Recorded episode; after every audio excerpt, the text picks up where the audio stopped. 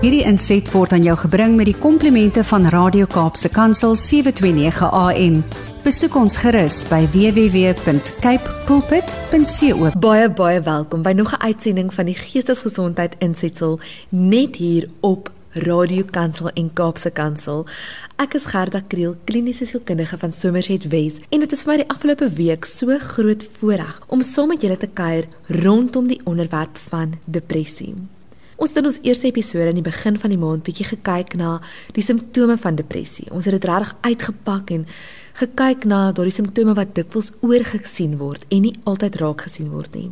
Dan het ons ook nou gekyk verlede week na die tipes depressie wat jy kry en ook om te verstaan dat elke tipe depressie effens anders as die ander kan lyk. Vandag fokus ons op die hoopvolle gedeelte, die genesingsgedeelte.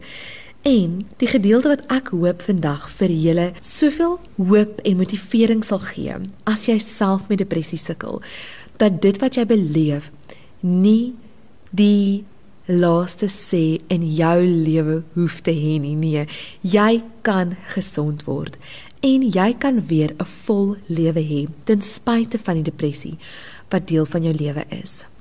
As ons nou kyk na die laasweek se insetsel, het ons ook bietjie gepraat oor die oorsake van depressie. En dis belangrik dat ons daarbey aansluit wanneer ons kyk na die behandeling van depressie.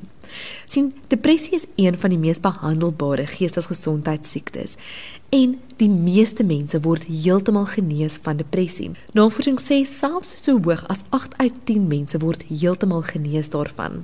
Maar dit is belangrik om te weet dat as jy een keer in jou lewe 'n depressiewe episode gehad het, jy 'n baie groot moontlikheid het om dit weer te beleef. Nou, as ons op behandeling na kyk, gaan ons kan sê goed, dit het baie fasette. Dit het 'n baie ryk diversiteit van moontlike behandelingsopsies vir jou. Die een wat ons die meeste ken en die een wat dalk die meeste in die media is vir beide goeie sowel as slegte redes, is antidepressante. Nou, navorsing sê dat 8 uit 10 mense met depressie sal herstel met die gebruik van antidepressante. Maar dit is dikwels 'n pad wat 'n mens moet stap saam met 'n geneeskundige wat jy werklik vertrou. Belangrik, belangrik, belangrik. Slegs 'n mediese dokter, 'n algemene praktisyn of 'n psigiater of 'n dokter wat opgelei is in depressie en psigiatriese toestande behoort antidepressante voor te skryf. Oor die toonbankmiddels wat van kruie gehalte is, kan verligting bring. Maar as jy met 'n kliniese depressie sukkel, dan wil ek jou regtig aanmoedig om eerder 'n mediese professionele persoon te gaan spreek en te gaan raadpleeg sodat jy op die regte behandeling vir jouself kan kom. Daar is verskeie klasse van antidepressante wat beteken verskillende middels wat op verskillende maniere werk. En die hoopvolheid daarvan lê dat as die een antidepressant nie vir jou werk nie, is daar nog wat jy kan probeer. En in hierdie area is die navorsing besig om so vinnig uit te brei dat daar dikwels nuwe klasse antidepressante en nuwe antidepressante op die mark vrygestel word sodat jou keuses werklik vergroot. Hulle werk egter nie onmiddellik nie. Dis nie soos 'n pynpil wat jy drink en die simptome verlig binne 'n paar minute of 'n uur nie. Nee. Dit neem dikwels 2 tot 3 weke om beter te voel. Die rede hiervoor is dat dit 'n biochemiese verandering in die brein veroorsaak en hierdie biochemiese verandering dan nou lei daartoe dat jou breinchemikalieë oor die lang termyn verander. Dit kan neeweffekte veroorsaak soos 'n droë mond, siekte, hoofpyn, duiseligheid, maar meeste van die neeweffekte is eerder 'n teken dat die antidepressantmiddel waarop jy is werk en dat jy daarmee moet volhou want die simptome, die neeweffekte staak gewoonlik binne 'n week of 2. Jy moet dit nie met enige medikasie meng nie en veral ook nie met alkohol nie. Ons het reeds verlede week gepraat daaroor dat alkohol en dwelmmiddels simptome van depressie erger kan maak en hulle kan direk inspel teen die gebruik van antidepressante. As jy enige probleem met jou medikasie het, gaan sien jou dokter. Moet asseblief nie in stilte swaar kry nie. Jy kan beter word. As 'n sielkundige is die behandeling waarin ek natuurlik baie belangstel en die een wat ek die meeste voorskryf, psigoterapie of praatterapie. Jy kan 'n sielkundige, maatskaplike werker of 'n beraader gaan spreek wanneer jy simptome van depressie beleef. Die oorsaak van jou depressie is dikwels 'n goeie aanduidende faktor van die tipe persoon met wie jy moet gaan praat om jou te help.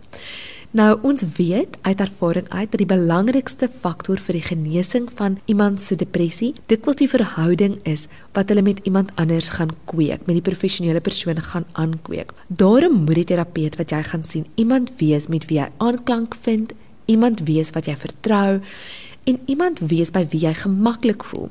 En jy sal vinnig agterkom. Jy sal na een of twee sessies weet of dit die persoon is met wie jy 'n pad kan stap of nie. Ongelukkig beteken dit dat jy soms maar daai trial and error moet gaan doen. Maar gelukkig deesdae het die meeste sielkundiges en terapeute en beraders internetprofiele waar jy kan gaan kyk en oplees wat hulle oor hulle self te sê het, wat hulle behandelingsmodaliteit is en hoe hulle hulle self ook daarstel. Mens kry vinnig 'n gevoel van iemand se persoonlikheid as jy na daardie profile kyk. Ons weet dat die tipe behandeling of die tipe terapie wat jy ondergaan minder belangrik is as die verhouding tussen jou en die terapeut wat jy gaan sien. So maak moeite asseblief om die regte terapeut te gaan sien. Die tipe terapie wat aangedui is om depressie regtig te genees is eerstens kognitiewe gedragsterapie, dialektiese gedragsterapie en dan toenemend het ons 'n belangstelling in die psigosomatiese terapie. Dit is jou eye movement integration therapy, jou eye movement desensitization and recursive therapy, brain working recursive therapy. Wat alles terapie is wat die brein en die liggaam gebruik om jou te help om die simptome van depressie te verlig. As jy weet wat die oorsaak van jou depressie is, kom ons stel jy is deur 'n traumatiese ervaring, is dit baie belangrik dat jou behandeling ook 'n behandeling van die oorsaak van die depressie insluit. Kom by 'n terapeut uit wat spesialiteit het in traumaberading, wat spesialiteit het in die behandeling van byvoorbeeld mediese toestande. Kom by 'n terapeut uit wat 'n ekspert is in postpartum depressie, as jy postpartum depressie het. Of as jy met 'n siektestoestand gediagnoseer is, iemand wat 'n belangstelling het in mediese sielkunde. Elkeen van hierdie oorsake van depressie is uniek en dit beteken die presentering van jou depressie gaan ook uniek wees. En daarom het jy 'n unieke samestelling van behandeling nodig. In my professionele ervaring ervaar ek dat dit dikwels 'n kombinasie van faktore is wat iemand help om hulle depressie te bowe te kom. Ondersteuningsgroepe is 'n baie goeie manier om ondersteuning te kry en behandeling te kry wat goedkoper is as tradisionele praatterapie en die ekstra voordeel het dat jy met ander mense kan praat wat soortgelyke probleme en uitdagings as jy het. Meer en meer word bewys dat sosiale koneksie so ongelooflik belangrik is in die behandeling van jou depressie. En as jy op soek is na 'n ondersteuningsgroep, kan jy vir SADAG kontak. Ek het reeds van tevore hulle genoem. Jy kan op die webtuiste kyk na sadag.org.za of jy kan hulle skakel by 0800 205121 om vir jou kontakte van ondersteuningsgroepe in jou area te gee. Om omring te wees deur ander mense wat ook deur depressie is en wat daardeur geworstel het en beter geraak het, is een van die beste maniere om hoop te beleef teen jou depressie. Dan kan 'n mens natuurlik ook jouself 'n bietjie help en ek voel altyd is belangrik om 'n goeie selfkennis te hê. Hoe meer jy weet wat depressie is, hoe beter jy dit verstaan, hoe beter vir jou. Dit is belangrik dat jy leefstyl aanpassings maak ook. Jy moet jou brein besig hou met stokperdjies of boeke lees of televisieprogramme. Ons het al gepraat oor substansies, maar vir my rook dwelms alkohol en probeer om gesonder te eet. Ek stel geweldig belang in die verband tussen voeding en ons geestesgesondheid. En dikwels sal ek my pasiënte en kliënte verwys na geïntegreerde gesondheidsspesialiste toe.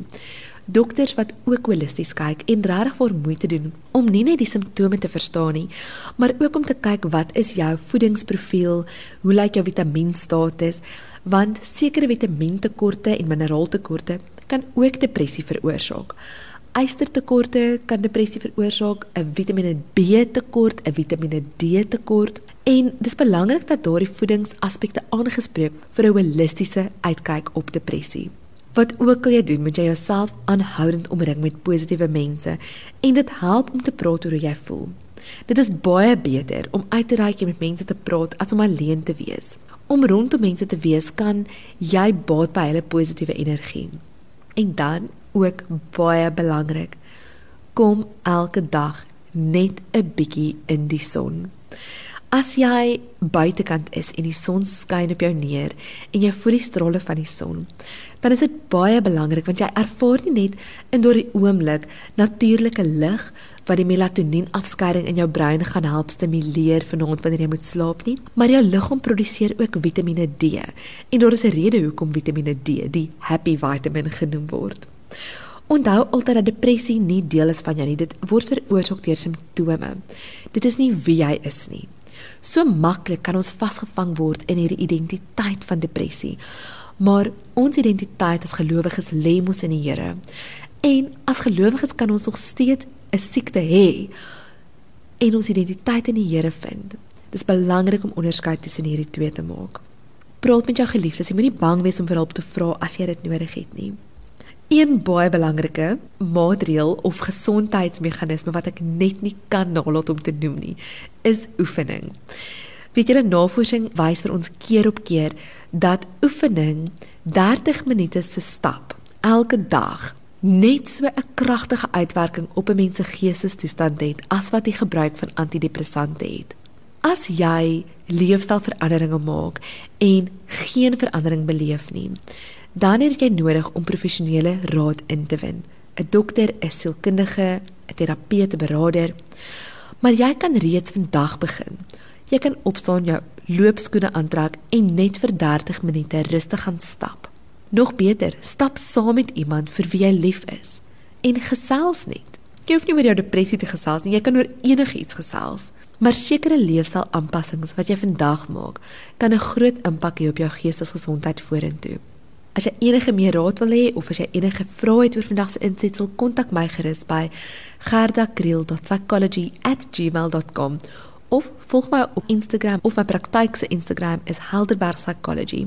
Ek hoop sommer ek hoor gou van jou en ek sien uit om volgende week saam met julle te kuier wanneer ons ons laaste insetsel doen oor hoe om iemand met depressie te ondersteun. Tot volgende week. Ek is Gerda Kriel. Ons praat gou weer. Hierdie inset was aan jou gebring met die komplimente van Radio Kaapse Kansel 729 AM. Besoek ons gerus by www.cape pulpit.co.za.